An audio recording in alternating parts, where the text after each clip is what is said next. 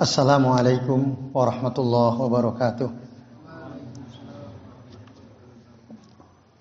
Alhamdulillahi rabbil alamin wa bihi nasta'inu ala umuri dunya waddin.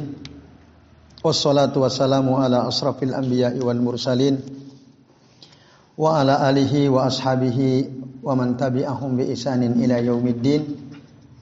Ashhadu an la ilaha illallah wahdahu la syarikalah ashhadu anna Muhammadan abduhu wa rasuluh. Allahumma salli wa sallim wa barik ala Muhammad wa ala ali Muhammad kama sallaita wa barakta ala Ibrahim wa ala ali Ibrahim fil alamin innaka Hamidum Majid. Rabbi israh sadri wa yassir amri wahlul min lisani yafqahu qawli amma. Bapak-bapak dan ikhwas sekalian, A'azani Allah wa iyyakum ajmain. Semoga kita semua yang hadir pada malam hari ini senantiasa dimuliakan Allah Subhanahu wa taala. Amin ya Allah ya rabbal alamin. Alhamdulillah pada malam ini atas izin Allah ya kita bisa berjumpa kembali untuk melanjutkan ngaji kitab Islahu Al-Qulub ya. Karya Syekh Abdul Hadi Hasan Wahbi hafizahullahu taala. Dan Pembahasan kita kali ini, bapak-bapak, ibu-ibu dan ikhwas kalian, kita akan membahas prinsip hati yang kesembilan ya. Betul ya? al aslutasi ya, prinsip kesembilan terkait dengan hati. Beliau memberi judul pada bab ini, Ihmalu a'malil kulub yuaddi ila al-halak. Meremehkan amalan hati menyebabkan kepada kebinasaan. Jadi orang yang meremehkan amalan hati bisa binasa gitu ya. Beliau mengatakan innal i'tina'a bil mazahiri wa ja'laha zahiyatan wa ihmalal bawatini wa ja'laha khawiyatan yuaddi ila dukhulin nar. Sesungguhnya memperhatikan penampilan fisik, penampilan luar dan menjadikannya cemerlang gitu ya. Tampil secara zohir itu baik gitu ya. Klimis apalagi. Oh, kulit wajahnya apa itu? Glowing ya istilah glowing ya. Bajunya bagus. Nah, dia perhatikan di perhatikan betul tampilan fisiknya sampai kelihatan cemerlang bagus sekali gitu ya. Tetapi di sisi lain dia mengabaikan batinnya, hatinya, menjadikannya kosong. Maka orang yang seperti ini, yang tidak memperhatikan masalah batin, masalah hati, menyebabkan dia masuk ke dalam neraka. Wal billahi ta'ala. Kita mohon perlindungan kepada Allah ta'ala. Nah, ya. Lalu beliau katakan wal wal yata'ammalil qari'u al ahadis at-taliyah. Hendaklah para pembaca ini memperhatikan hadis-hadis di bawah ini. Ada beberapa hadis yang beliau kemukakan berkaitan pentingnya dengan pentingnya memperhatikan amalan hati. Yang pertama beliau mengutip hadis dari riwayat Abu Darda radhiyallahu anhu. Beliau mengatakan, "Annan Nabiy sallallahu alaihi wasallam qol sesungguhnya Nabi sallallahu alaihi wasallam beliau bersabda, "Awwalu syai'in yurfa'u min hadhil ummati al khusyu. Perkara pertama yang diangkat dari umat ini adalah kekhusyuan. Hatta la tara fiha khasyian. Sampai engkau tidak bisa lagi melihat di tengah-tengah umat ini ada orang yang khusyuk. Nanti seperti itu ya. Jadi akan diangkat khusyuk itu dari tengah umat. Bahkan ini perkara pertama yang diangkat oleh Allah Subhanahu wa taala. Nah, apa itu khusyuk? Beliau mengatakan khusyuk itu adalah linul qalbi wariqatuhu. Ya, lembutnya hati, halusnya hati, wasukunuhu, tenangnya hati, wa khudu'uhu, ketundukan hati, wang kisaruhu, kepasrahan hati. Fa idza khasa al qalbu tabi'ahu khusu'u jami'i al jawarihi wal a'dha. Apabila hati seseorang itu khusyuk, maka akan diikuti oleh seluruh anggota tubuh yang lain pun ikut khusyuk Karena seluruh anggota tubuh itu adalah tabiatun lil qalb ya, mengikuti ha, hati. Nah, kalau kita tidak bisa khusyuk di dalam sholat kita, Bapak Ibu dan sekalian ya, maka ya, ada akibat buruk.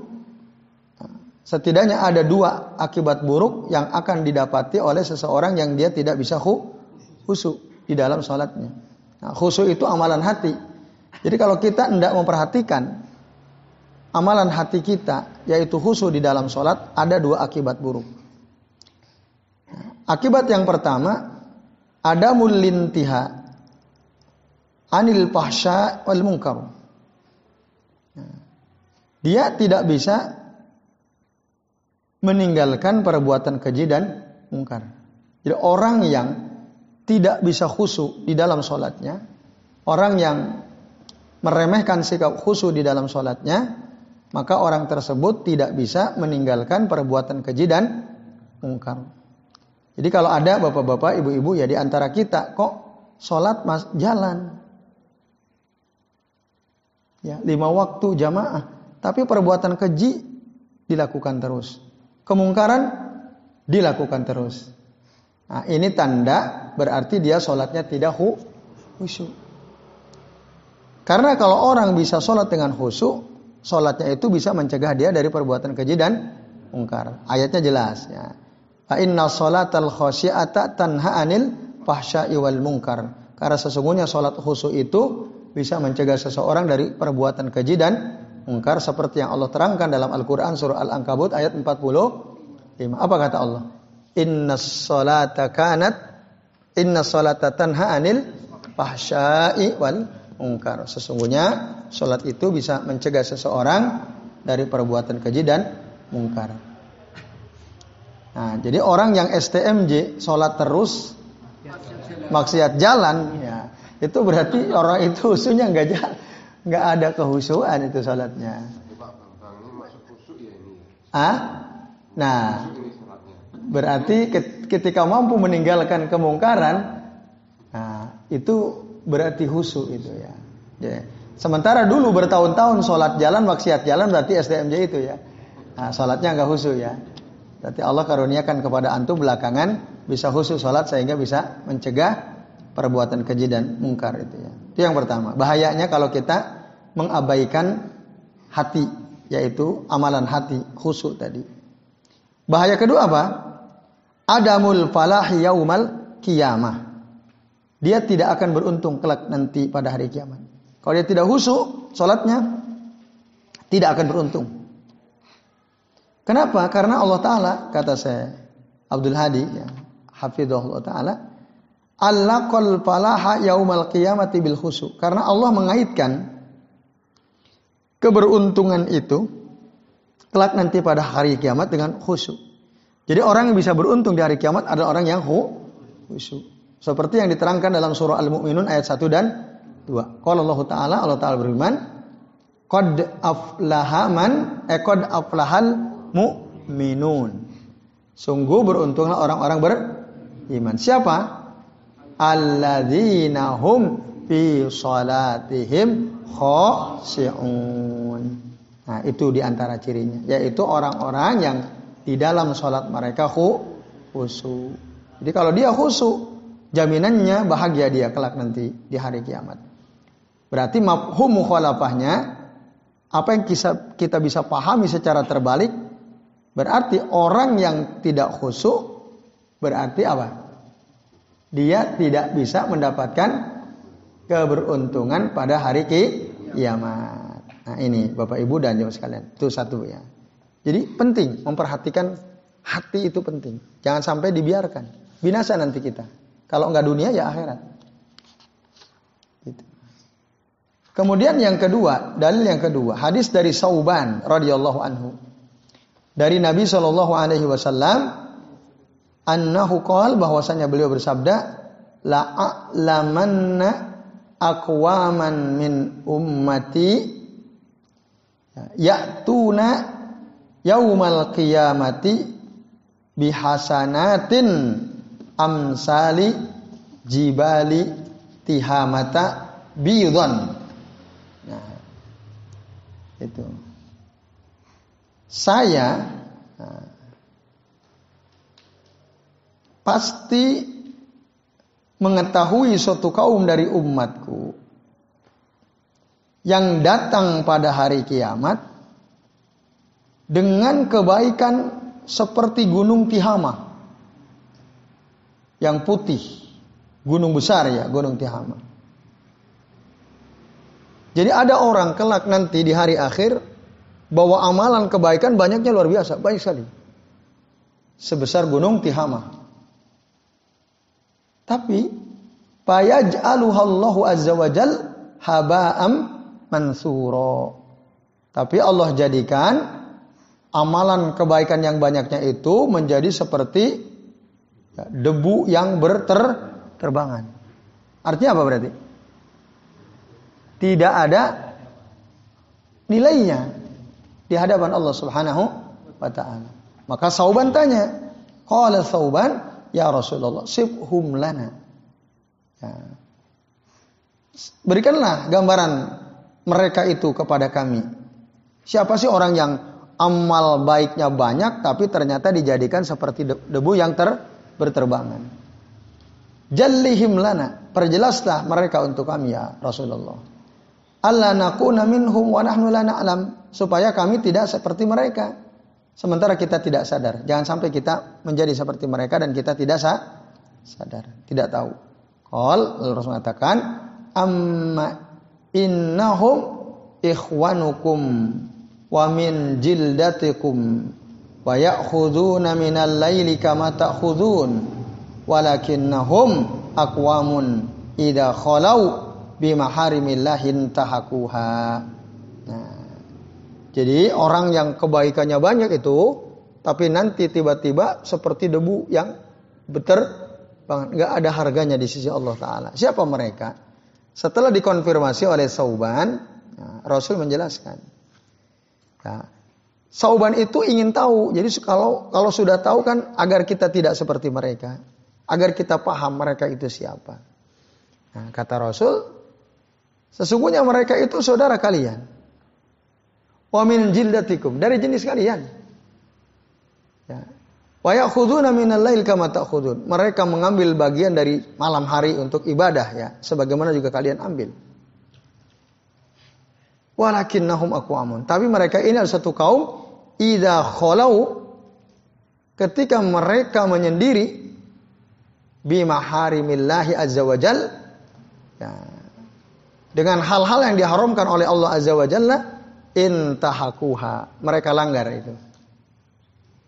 Jadi kalau depan orang banyak nampaknya oke punya gitu ya. Sholatnya khusu, zikirnya luar biasa. Pokoknya kelihatan mantap lah, tidak diragukan gitu ya. Tapi ketika dia menyendiri, banyak hal-hal yang diharamkan oleh Allah Ta'ala ditabrak sama dia. Dia melakukan sesuatu yang di, diharamkan oleh Allah Subhanahu wa Ta'ala. Nah, ada orang Itulah dia orang yang kelak nanti di hari akhir amal baiknya semua nol. Ngeri ya? Itu. Maka Bapak Ibu dan sekalian, mari kita jadikan nih, jangan sampai. Iya, sia-sia amal baik kita. Hanya dengan apa? Tadi ketika kita sendiri kita bebas banget, kayaknya nggak ada yang ngontrol. Kayaknya nggak peduli dengan yang haram-haram. Itu. Nah itu jangan dianggap remeh kayak gitu itu. Ya, jangan dianggap remeh. Akibatnya kelak nanti seluruh amal baik kita akan seperti debu yang berterbangan, tidak ada nilainya. Gara-gara apa? Gara-gara saat sendiri, nah dia banyak berbuat maksiat. Orang nggak ada yang lihat, cuma saya sendiri kok. Maksiat jalan. Nah, oh ngeri itu jadinya, akibatnya ngeri itu ya. Nanti semua amalnya jadi sia-sia. Nah, Fahaula ikomu bi'amalin zahirah. Mereka ini melakukan amalan-amalan lahir wa ahmalu a'malal qulub tapi mengabaikan amalan hati. Palam yurakibullah fi khalawatihim. Dia tidak merasa diawasi oleh Allah Ta'ala saat sendirian. Dikiranya agak ada yang lihat. Allah nggak lihat. Bebas aja. Wal muraqabah ilmul qalbi bi rabb. Muraqabah itu adalah ilmu hati tentang bahwasanya Allah itu de dekat. Nah, jadi ada orang-orang seperti itu. Secara zohir sih jos, oke okay punya lah. Ya, sholat, sergep, bahkan tabkir awal waktu, zikir kalau keluar paling akhir, ya, zikirnya husu gitu ya. Eh, itu pas banyak orang. Tapi pas sendiri masuk rumah, masuk kamar, nah, bebas deh. Dia ngerasa Allah tidak mengawasi dia dan seterusnya. Nah, orang seperti itulah walaupun amal baiknya banyak itu nanti ya dijadikan oleh Allah taala haba'am mansuro. Debu yang berterbangan. Itu. Maka mereka ini cocok ya. Seperti yang digambarkan oleh seorang penyair. Azharu bainal khalqi ihsanahu dia menampakkan kebaikan di depan makhluk. Wa khalafar rahmana. Tapi dia menyelisihi ya, perintah Allah, larangan Allah zat yang maha rahman ketika dia sendi sendiri. Nah, ada orang yang seperti itu. Kalau sendiri, udah bebas banget lah. Lupa semuanya. Tapi depan orang banyak, wah tadi kayaknya soleh bah, mungkin kayaknya orang paling soleh di kampung gitu ya. Tapi kalau sendiri rusak dia. Nah, orang seperti ini berarti dia tidak menjaga hak hatinya, tidak memperhatikan amalan hatinya. Itu. Nah, maka haula yaj'alullahu a'malahum yaumal qiyamah haba'an mansura. Mereka adalah orang-orang yang amalan-amalan mereka pada hari kiamat dijadikan oleh Allah taala seperti debu yang ber, berterbangan. La yantafi'u min hasahibu habisyai'in aslan semua amalnya sama sekali tidak ada manfaatnya gitu. Amalnya tidak ada yang bermanfaat. Ya. Wahada min a'zamil hasarati 'alal abdi yaumal qiyamah. Ini ya merupakan kerugian paling besar yang diderita oleh seorang hamba pada hari kiamat kelak.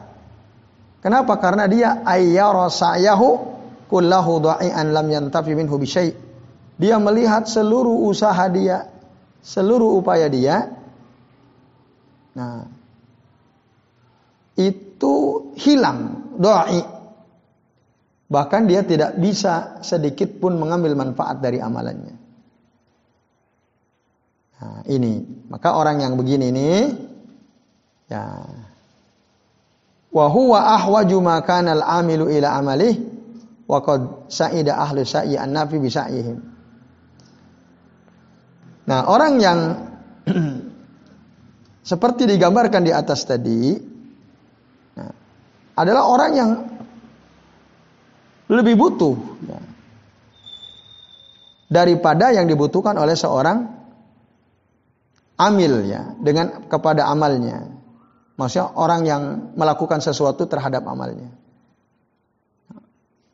itu sesuatu yang ya apa? Tentu orang yang bekerja ya dia berusaha untuk mendapatkan sesuatu ya dengan pekerjaannya itu ada yang dia butuhkan gitu.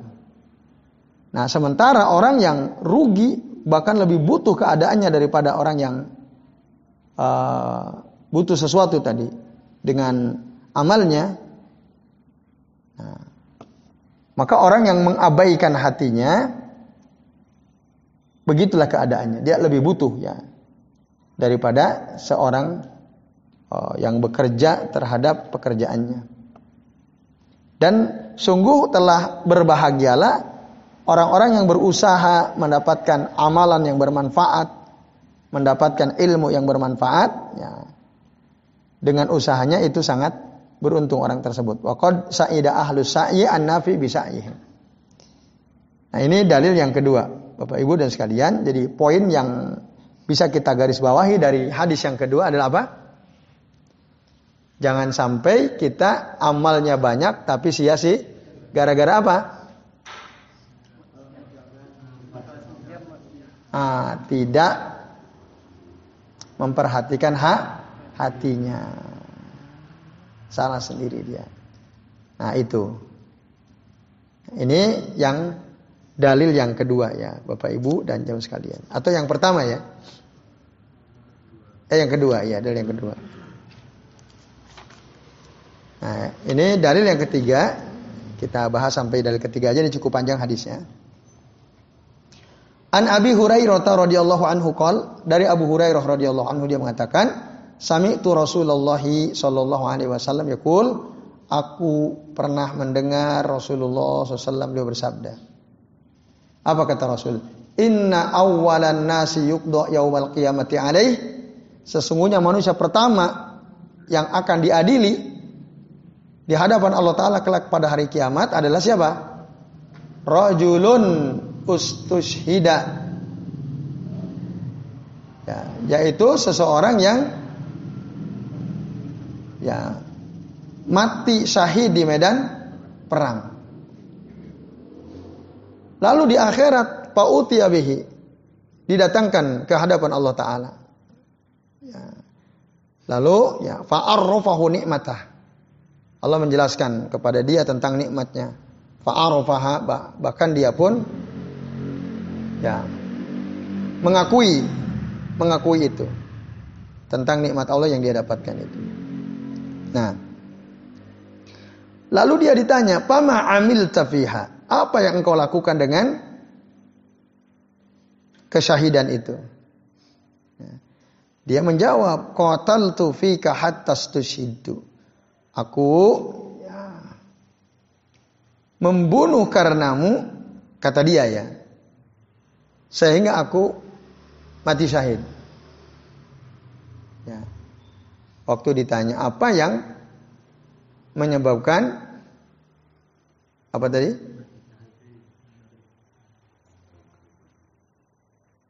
Apa yang menyebabkan dia mati syahid tadi ya.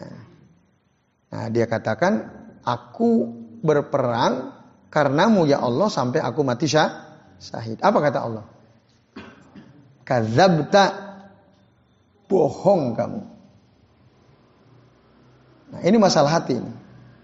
Qal lalu dia berkata, Qataltu fika hatta. Udah tadi ya. Oh, berarti ini bawahnya. Walakinnaka qatalta li ayyuqala jariun. Akan tetapi engkau berperang di jalan Allah sebenarnya bukan karena ingin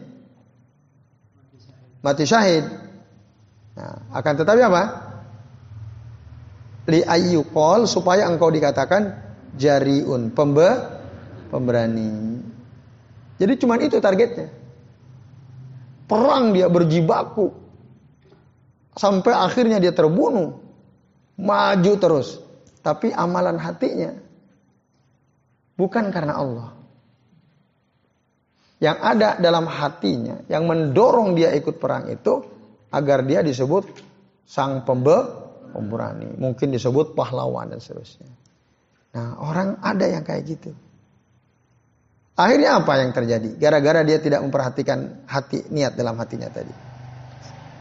Nah, faqad kil summa umira bihi fasuhiba ala wajhihi hatta ulkiya finnar. Akhirnya nih orang Allah menyuruh supaya malaikat ini menyeret orang tersebut dengan keadaan kepalanya di di bawah hatta ulqiya finnau sampai akhirnya dia dilemparkan ke dalam neraka. Padahal dia matinya sah. Kata siapa? Kata dia. Dia ingin mati sah. Nah, itu. Nah, itu ya. Jadi Bapak Ibu dan jamaah sekalian ya. Ada orang mati syahidnya ternyata konyol gitu. Mati konyol. Iya.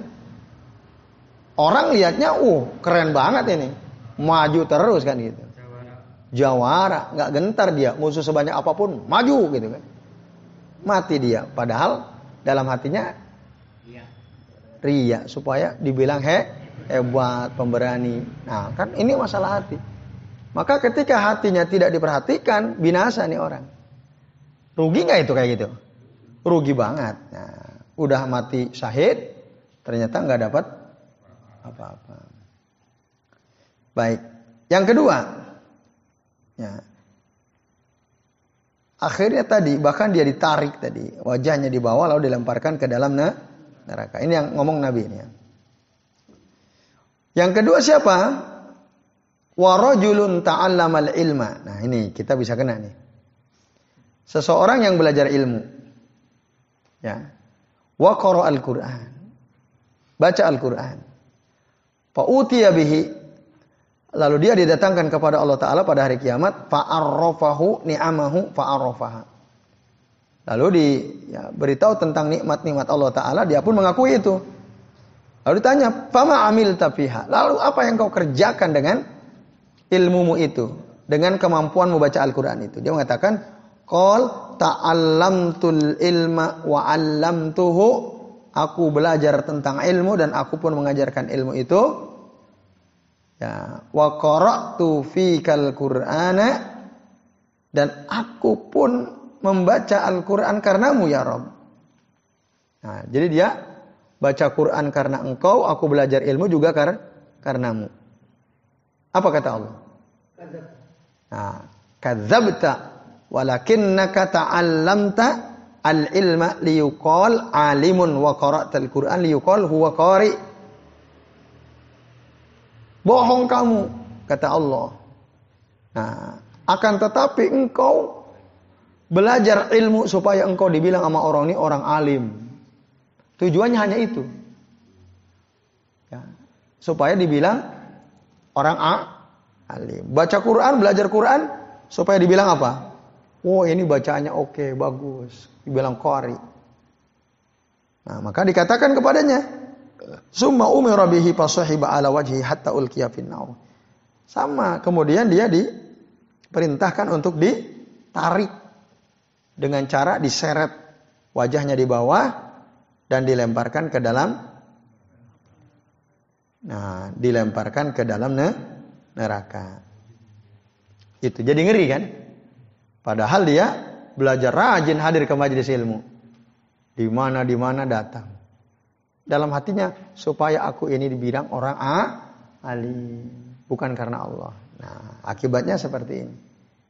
Oke kemudian yang ketiga Wa rajulun wassa'allahu alaihi wa a'tahu min asnafi al-mal kullihi.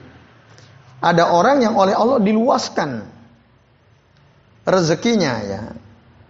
Allah karuniakan kepadanya segala apa? Nah, min asnafil mal, segala jenis harta seluruhnya Allah kasih semua. Lalu kemudian dia didatangkan di hadapan Allah Ta'ala. Diberitahu tentang nikmat-nikmat Allah Ta'ala, dia pun ngaku. Dia pun ngaku bahwa itu sudah memang diberikan oleh Allah Ta'ala. Nah, itu. Tapi akhirnya apa? Sama, diseret, dicemplungin ke dalam neraka. Padahal dia orang rajin untuk ilmu, rajin baca Al-Qur'an dan seterusnya. Yang terakhir warajulun wasa'allahu alaihi wa min asnafil mal kullihi. Ya, seseorang yang oleh Allah dilapangkan rezekinya, diluaskan rezekinya. Allah berikan kepadanya dari berbagai macam harta. Nah, tetapi nah, dia ngaku itu, iya. Kalau lalu Allah berkata, "Fama amil tafiha." Nah, apa yang engkau lakukan dengan hartamu itu? Kan dia di ditanya gitu ya. Tentang nikmat-nikmat ini sesungguhnya dari Allah, dia pun mengakui ini dari Allah betul. Tapi apa yang kau kerjakan dengan melimpahnya harta itu? Nah, jawabannya disebutkan ma taraktu min sabilin tuhibbu an yunfaqu fiha illa anfaqtu fiha lak. Kata dia. Aku tidak pernah meninggalkan Aku tidak pernah meninggalkan kebaikan di jalan Allah yang engkau sukai ya untuk diberikan nafkah. Kecuali aku pasti memberikan nafkah atau sedekah kepada ya, kepada siapa? Ya, ya orang yang berhak disodakohi gitu ya illa anfaqtu fiha kecuali aku pasti akan memberikan infak itu kepadanya. Nah, itu lalu apa yang terjadi? Nah, kata Allah kadzabta kamu dusta walakinnaka fa'alta liqal huwa jawadun faqad kil. Bohong kamu karena sesungguhnya Allah eh, akan tetap kadzabta kamu bohong akan tetapi kamu melakukan itu semua supaya dikatakan apa? Jawad, rajin ngasih sini, ngasih sana. Oh ini orang dermawan sekali. Dapat dia pujian itu dapat. Nah, itu. Lalu fakodekil dikatakan kepadanya summa umirobihi lalu dia disuruh untuk apa? Pasuhiba ala wajhihi ditarik diseret wajahnya tengkurap gitu ya, diseret. Nah, summa ulqiya finnar. Kemudian orang ini dimasukkan ke dalam neraka. Hadis rawahu Muslim. Nah, Bapak Ibu dan jamaah sekalian, azan ya Allah wa iyyakum ajmain. Ya. Dari hadis ini ya, kita bisa mengambil kesimpulan bahwa Ketiga orang yang disebutkan dalam hadis ini, mereka itu semuanya ri, ria atau sum'ah. Ya, supaya orang pada apa? Memuji dia, menceritakan ya, kedermawanan dirinya dan seterusnya. Nah, ternyata orang seperti ini bukan pahala yang didapat apa? Diseret, ditarik wajahnya bawah dan dicemplungin masuk ke dalam neraka. Nauzubillahi min dzalik. Nah, padahal ketiga orang yang disebutkan dalam ayat tersebut, nah ini yang yang yang ini dikatakan sini, fa innaha ula'i salasatal ladina yuriduna riya wa sum'ah hum bi iza'i salasa alladziina ba'dan nabiyyin minas siddiqin was suhada'i was salihin. Jadi sesungguhnya uh, ketiga orang di atas yang tersebutkan dalam hadis mereka menginginkan ri, ria dan sum'ah. Padahal mereka ini kelak nanti di akhirat ada dekat Nabi. Ya. Bi iza isalasa alladzina ba'da nabiyyin minas siddiqin was suhada was salihin. Nah, Jelas ya? Jadi itu seharusnya mereka itu menjadi sedikin dan suhada dan solihin. Dengan keberadaan uh, tiga orang di atas itu ya. Harusnya mereka termasuk golongan as Golongan suhada, golongan orang-orang so harusnya. Nah, tetapi itu tidak ya tidak berjalan. Ya. Jadi Bapak Ibu dan sekalian, ya, harusnya mereka itu ada di sisi Nabi, dekat dengan Nabi, orang yang mudah apa? Asidikin. Ya. Sidik itu maksudnya ya dia punya ilmu dan apa yang dilakukan sesuai dengan ilmu yang dia punya ya, yang dia tahu dalam hatinya. Itu sidik, jujur gitu ya. Suhada ya suhada itu ya orang yang mati syahid ya. Tapi faktanya kelihatannya dia suhada, matinya di medan perang, tapi ternyata nggak dapat apa? Apa wasalihin termasuk orang so soleh. Orang soleh itu ya uh, termasuk ya, orang yang ada di dekat Nabi kecuali kalau kesolehan dia itu tujuannya du dunia tadi Ya, orang soleh ngapain tadi?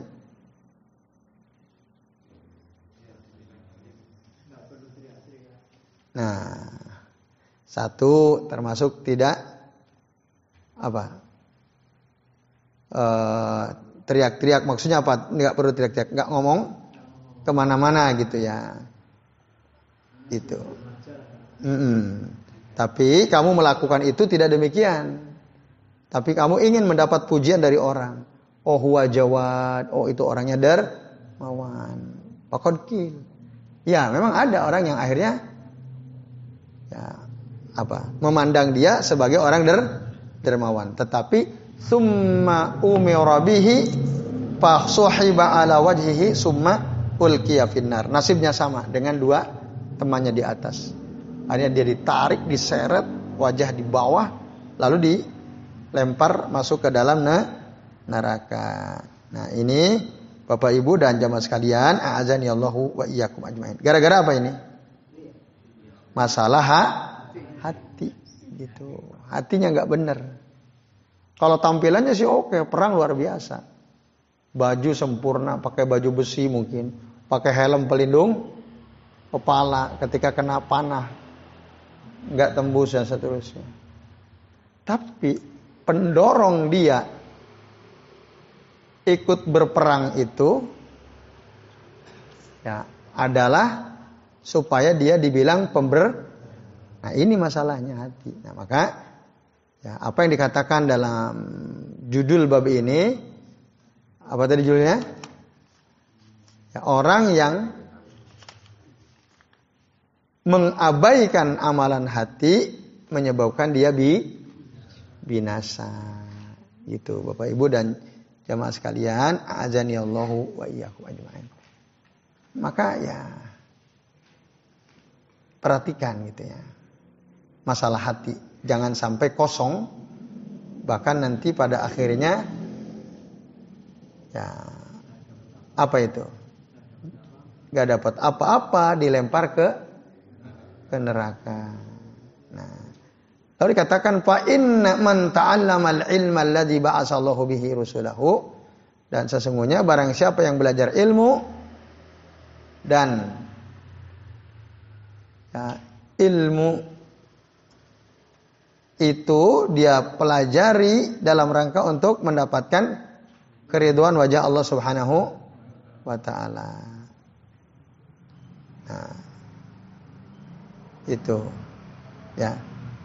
Nah, maka Bapak-bapak dan ibu-ibu serta jemaah sekalian, kalau kita ingin mendapatkan pahala yang banyak, ya, lalu ingin mendapatkan kebaikan yang banyak, gitu ya.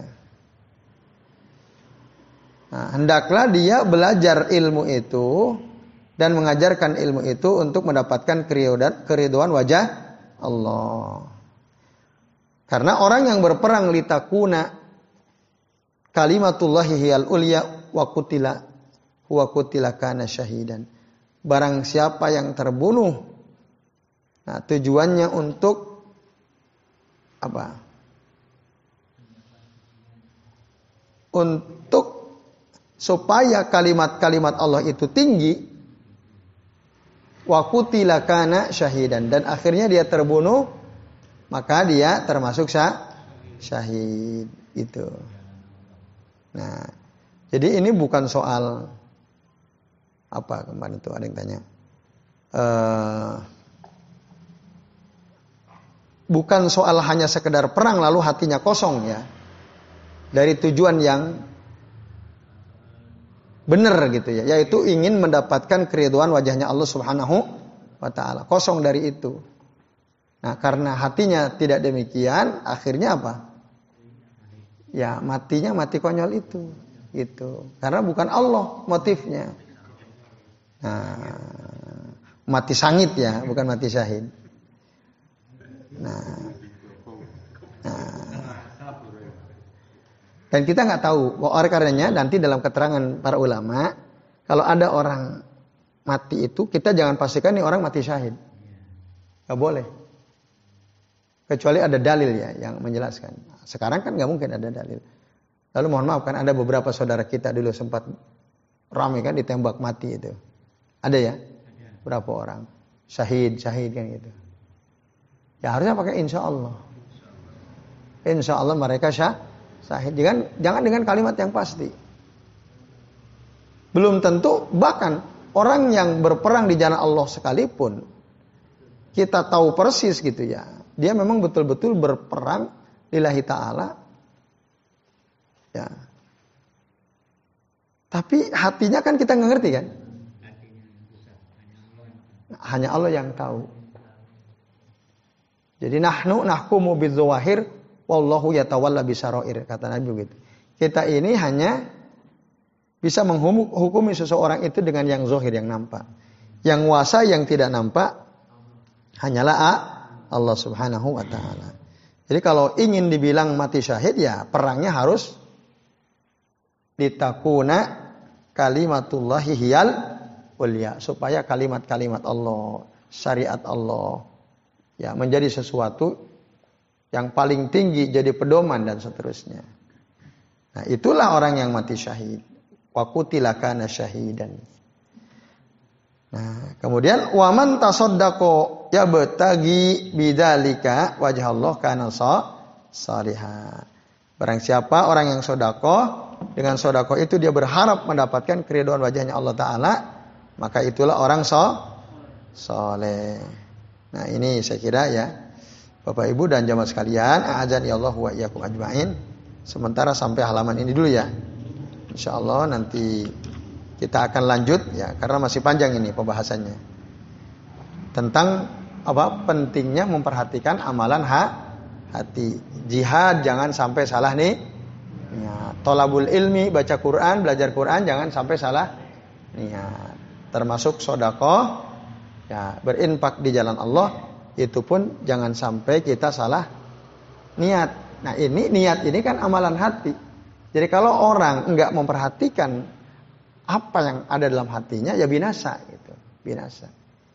Itu. Jadi saya kira ini sementara ya, bapak-bapak dan sekalian, ini jam 9 lewat 34. Nah, sebelum diakhiri, barangkali ada di antara bapak-bapak dan ibu-ibu serta sekalian mau bertanya, ya Pak Nasir, Pak Bambang, Pak Sera, Pak Wikan, monggo Pak Nasir.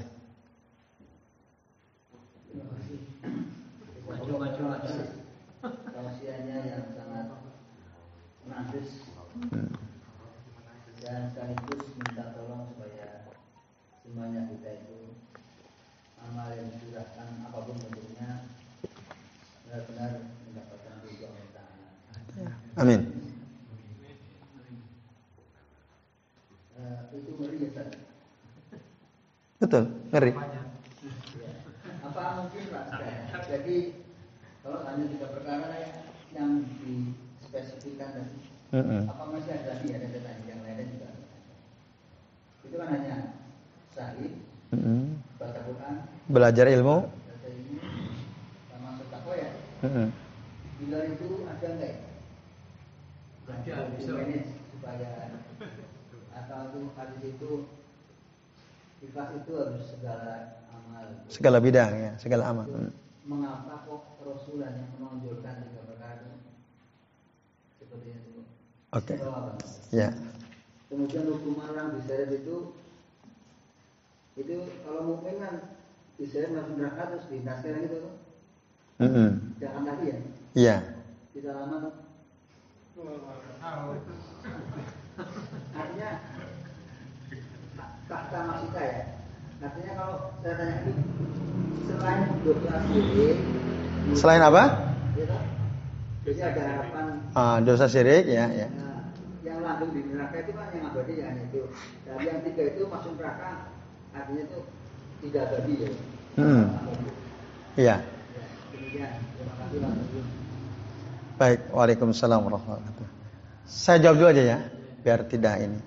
Yang pertama, kenapa cuma tiga?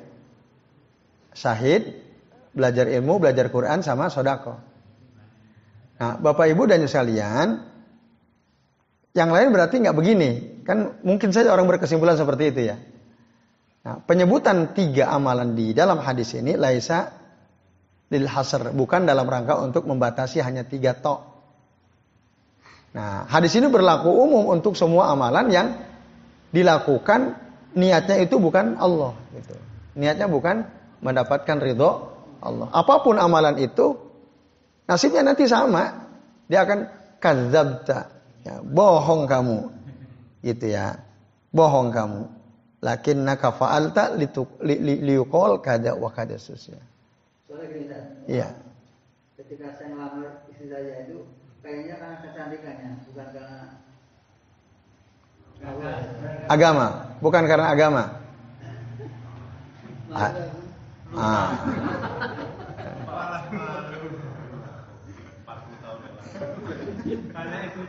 Nah, berarti nggak benar itu. Nah.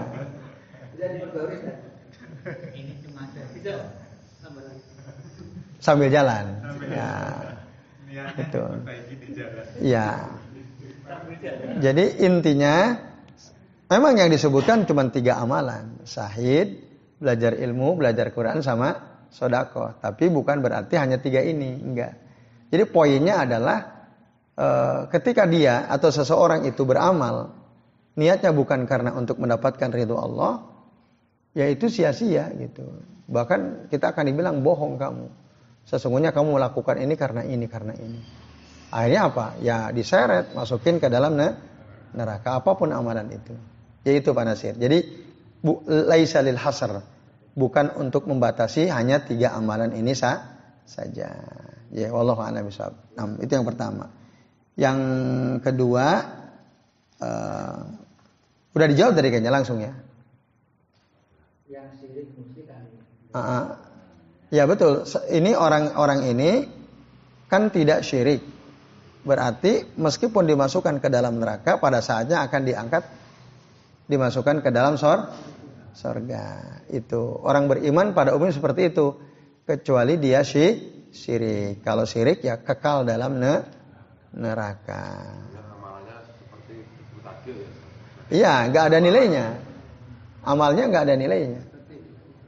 Selama dia ya bukan lillahi taala, amal sebaik apa pun, ya itu jadi sia-sia gitu. Nah itu. Maka ya uh, ini yang perlu selalu kita koreksi ya hati kita tadi. Jangan dibiarkan, perhatikan nih hati. Itu poinnya kan di situ. Jangan sampai hati itu dia diabaikan. Yaitu uh, Pak Nasir betul orang mukmin itu pada saatnya dia nanti akan diangkat masuk ke dalam sor sorga. Seberapa lama di, di, di, di neraka itu? Nah, tergantung berbeda-beda. Ada keterangan setidak-tidaknya paling cepat itu 80 ta tahun. Dibakar di neraka 80? Nah, 80 jika 80 tahun akhirat berarti berapa tahun dunia tuh? Karena satu satu hari di dunia itu sama dengan seribu tahun. Nah itu. Iya. Ya, oh, kira-kira lama banget dah. Nah, itu diambil dari surah An-Naba itu Pak Nasir. Inna jahannam kanat mir soda litogi nama aba. Kan litogi nama aba. Labisina fiha ahqoba. La yazukuna fiha. Ah, lah, tadi labisina fiha ahqoba. Apa tuh artinya? Mereka itu tinggal di dalam neraka jahanam ahqob itu jamak dari kata hakob. Jamak dari kata hak hakob. Satu hakob itu sama dengan samanuna sana. 80 ta tahun. Itu. Jadi itu. Jadi memang berbeda. Tapi secepat-cepatnya sama dengan 80 ta tahun. Ada yang menjelaskan seperti itu. Berdasarkan tadi surah An-Naba. Nah, apa-apa belum lagi jika dia mengak, apa, melakukan perkara-perkara yang bisa membatalkan keis. Ada kan? Nawakidul Islam kan? Dulu kita pernah pelajari kan?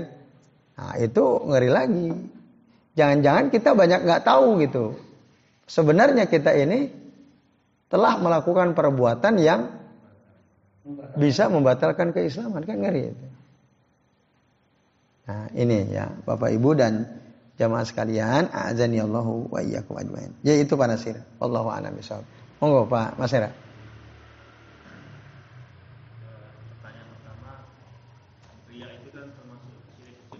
Ya. Apakah hukumannya sama dengan syirik Apanya? Hukumannya? Ya.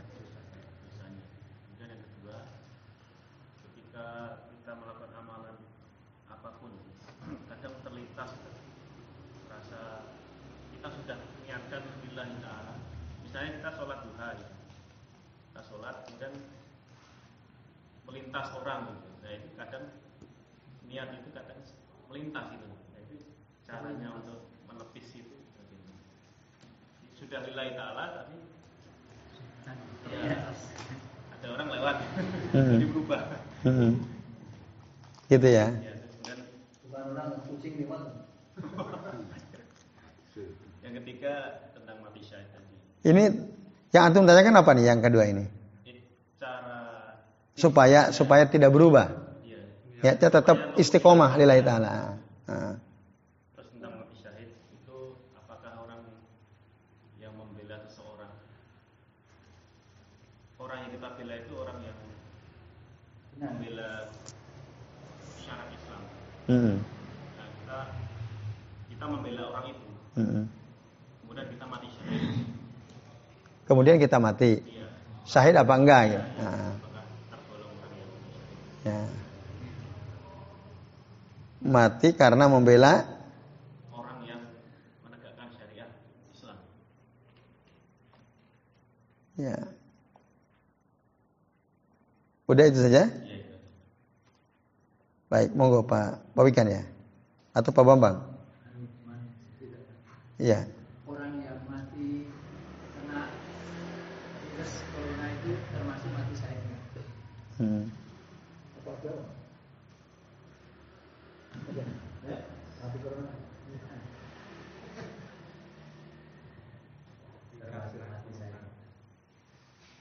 Baik. Terus Pak Wikan terakhir. Ya. Tidak ditanyakan. Ya cuma saya mau menambahkan itu termasuk yang di hadis itu enggak. Misal orang yang misal sudah nilai ta'ala tapi terbesit tiba-tiba Iya. Ya. Termasuk hmm. ujub itu juga masuk di sini. Iya. Apakah ujub termasuk juga gitu? Iya. Berarti tadi yang pertama sama dengan Mas ya. Ah. Ah. Soalnya kan kalau yang di hadis kan murni yaitu ria. Ah. Kalau yang banyak tadi kan sudah nilai taala tapi ya itu mungkin karena hati itu kan susah menjaga. Kadang hmm. timbul. Ya. Oke. Okay. Udah itu saja. Baik, Bapak-bapak dan Ibu-ibu serta sekalian, ada beberapa pertanyaan penting ya dari teman-teman. Pertama Mas Hera. Terus tadi ya pertanyaan Pak Nasir sudah ya. Syirik kecil, syirik besar sama atau tidak? Sebagai ulama mengatakan beda. Ya. Apa bedanya kalau syirik besar menyebabkan pelakunya kekal di dalam neraka, sementara syirik kecil tidak? Ada yang membedakan seperti itu baina asyirkul akbar wa syirkul asgar. Nah. Itu. Jadi syirik besar itu pelakunya kekal di neraka, kalau syirik kecil ti, tidak. Tapi menurut sebagian lain sama. Ya, Syekhul Islam Ibnu Taimiyah misalnya atau beberapa seorang orang sahabat yang yang mengatakan bahwa dalam Al-Quran kan innallaha la yaghfiru an yusraka bihi wa yaghfiru ma duna dzalika limai. Sesungguhnya Allah taala tidak akan mengampuni dosa syirik orang yang bersekutu Allah dengan sesuatu nah, dan apa? Wa yaghfiru ma duna limai yasha dan akan mengampuni dosa selain si syirik sesuai dengan yang Allah kehendaki. Nah, di dalam ayat itu disebut syirik gitu. Nggak ada keterangan rinci apakah syirik besar atau syirik kecil. Kan gitu. Jadi yang namanya syirik itu ya tidak akan diampuni. Maka para sahabat sangat hati-hati ya dari kesyirikan. Begitu juga para ulama salaf. Jadi ada yang membedakan, ada yang me menyamakan. Apa tadi? Bedanya syirik besar, syirik kecil. Nah, dalam hadis Nabi menyebutkan syirik kecil itu seperti ria. In in nama akhwafu ma akhwafu alaikum asyirkul asgar. Ya, sesungguhnya perkara yang paling aku takutkan terjadi pada kalian adalah syirik kecil. Apa itu asyirkul asgar ya Rasulullah? Ar ria itu. Nah, itu ya. Jadi itu syirik. Yang kedua, ibadah lillahi ta'ala. Di tengah-tengah berubah. Ya. Di tengah-tengah berubah. Jadi tidak lillahi ta'ala lagi. Itu bagaimana nasibnya? Ya, lagi sholat misalnya. Awalnya lillahi ta'ala.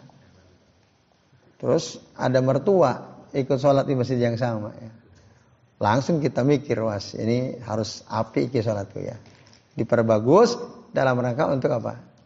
Dapat pujian dari mer mertua misalnya. Itu bagaimana? Nah apakah sama dengan hadis yang tadi itu? Tiga golongan tadi yang akhirnya diseret dan dilemparkan ke neraka. Nah kalau dia tidak berusaha untuk menghalau bisikan tadi ya untuk oh bisikan hati. Apa? Ya. Saya gak berubah gitu niatnya. Berubah niatnya maka akhirnya ya jatuh juga gitu. Jatuh pada kesyirikan juga. Nah itu. Nah oleh karenanya memang harus diproteksi betul ya hati kita itu. Ya. Supaya bagaimana caranya tetap lillahi ta lillahi ta'ala. Itu Mas Hera ya. Jadi ada doa supaya kita terlindungi dari kesyirikan. Ayo, siapa yang hafal? Selain Mas Fajar coba. Ada yang hafal enggak? Ayo. Doa supaya kita terlindung dari berbagai macam kesyirikan. Ada yang hafal enggak? Oke, Mas Abdo.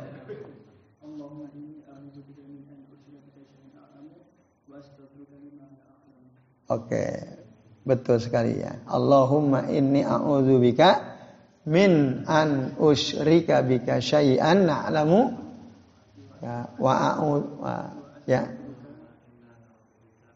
Nah, wa astaghfiruka lima la la a'lam wa astaghfiruka lima la alam. Ya itu. Atau kalau pakai domir nun berarti Allahumma inna na'udzubika min an nusyrika bika syai'an na'lamu wa nastaghfiruka lima la la na'lamu. Nah, itu itu doanya. Supaya kita terlindungi dari berbagai macam kesyirikan. Yaitu masyarakat. Baik. Terus Pak Wikan tadi ya, sama tadi ya. Apakah selain tiga golongan ini nanti akhirnya sama diseret juga? Lalu dicemplungin ke dalam neraka atau tidak? Nah, itu gimana gitu nasibnya? Nasib siapa tadi? Orang yang berubah niatnya gitu ya. Orang yang berubah niatnya. Nah, nasibnya seperti apa? Awalnya lillahi ta'ala ya rusak gitu. Amalannya jadi rusak. Jadi ru rusak. Karena akhirnya dia niatnya bukan karena Allah. Tergoda gitu ya. Dalam sholat mungkin nggak berubah soal apa niat seseorang. Bisa saja gitu. Nah, itu. Jadi ya sama aja. Orang yang berusaha di awal niat lillahi ta'ala tapi akhirnya di tengah-tengah ter tergoda, maka akan dikatakan nanti kadzabta bohong kamu. Jadi ini Bapak Ibu dan jamaah sekalian, azan ya Allah wa iyyakum ajmain. Nah, jadi tadi kembali ke amalan hak hati harus diperhatikan betul-betul. Kemudian kalau ada orang mati karena membela orang yang mau menegakkan syariat. Nah, ini ya orang mati karena membela orang yang menegakkan syariat. Apakah mati syahid? Insya Allah sah. Sahid jawaban. Insya Allah sah. Sahid. Nah, karena jelas yang dia bela adalah u, ulama yang ingin menegakkan syariat is, Islam. Ya, sama saja dia berarti menolong Allah gitu ya. In tansurullaha yansurukum wa yusabbit aqdamakum. Itu. Jadi kalau ada orang mati ya uh, karena membela orang yang menegakkan syariat insya Allah mati sah sahid itu wallahu a'lam Nah. Terus yang kedua, orang yang mati karena karena corona itu ya, Pak Bambang ya. Ya. ya. Apakah dia mati syahid? Nah, kita hanya bisa mengatakan insya Allah mati mati syahid, insya Allah. Nah, memang ada beberapa dalil yang menunjukkan kesyahidan itu. Nah, Bapak Ibu dan sekalian, tidak hanya didapatkan oleh orang yang berperang di jalan Allah. Tidak hanya dengan cara itu gitu, untuk mendapatkan darojatus syahadah. Nah, tapi bisa dengan tadi berkeinginan berniat untuk mati syah, sahid. Walaupun barangkali musuhnya nggak ada sekarang gitu ya. Tapi ada niat. Nah, maka niatnya itulah kelak yang menjadi apa? Nah, niatnya itulah yang menentukan gitu ya, yang menentukan itu ya. Kalau niat dia membela orang yang menegakkan syariat Islam, itu betul-betul memang karena syariat Islam yang dia bela. Nah, itu yang apa? Yang matinya mati syah, syahid. Nah, tapi ada nanti orang yang tenggelam syahid, orang mati sakit perut sah, syahid. Orang yang kena penyakit kalau taun syahid atau kerobohan rumah syahid, tenggelam syahid. Nah, kalau sekarang nah, ya tadi ya, e, rumahnya roboh menimpa dia syahid. Ada memang hadisnya. Tapi itu ada syarat. Syarat dan ketentuan berlaku tentu saja. Ya. Apakah orang yang mati tenggelam otomatis mati syahid?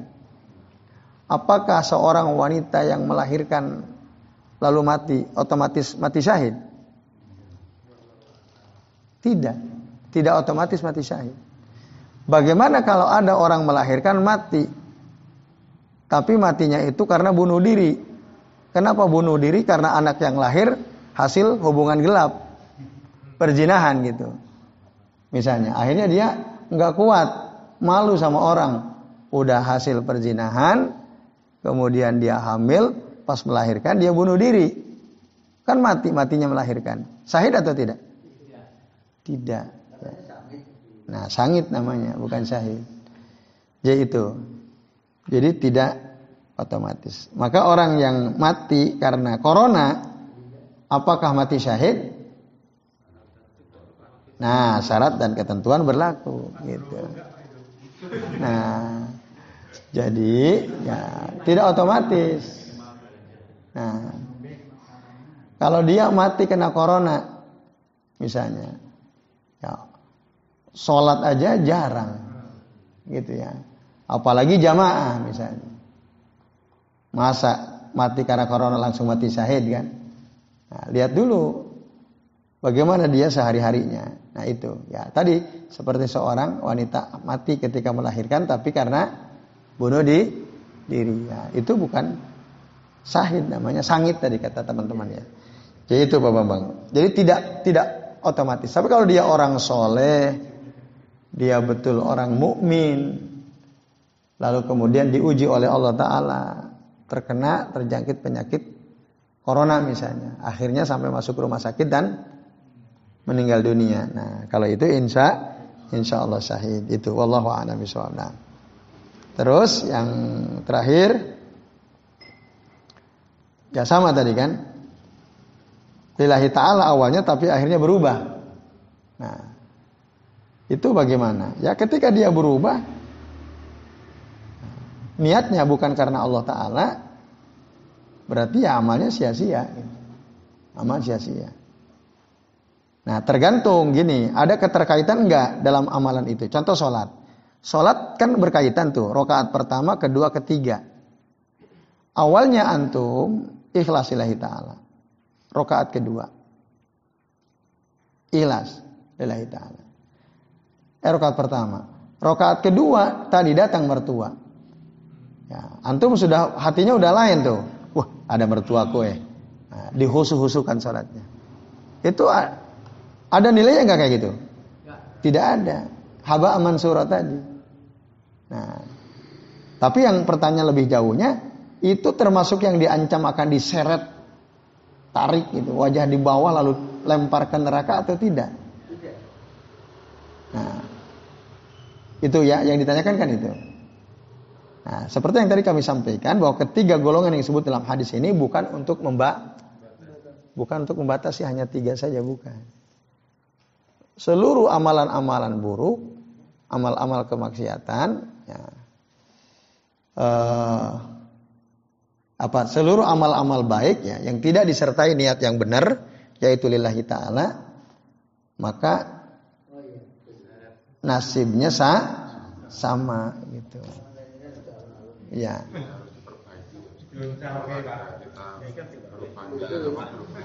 hmm. Iya, segera dirubah gitu. Jangan sampai niatnya nggak benar gitu. Nah, lillahi Allah a'lam Jadi itu ya Bapak Ibu sekalian ya. ya. Saya kira ini tadi Mas Fajar enggak? Enggak jadi ya. Baik Bapak Ibu dan sekalian saya kira sementara ini dulu ya yang bisa kita bahas. Insya Allah nanti kita lanjut dari halaman berapa? 20 eh 3 berapa? aslinya ya. Nah.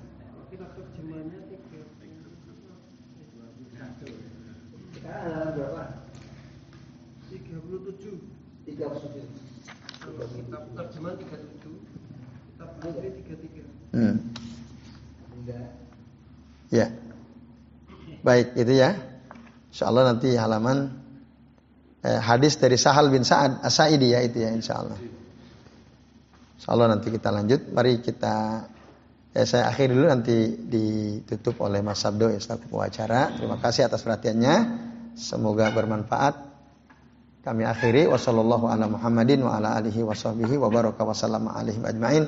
Billahi taufiq wal hidayah. Wassalamualaikum warahmatullahi wabarakatuh.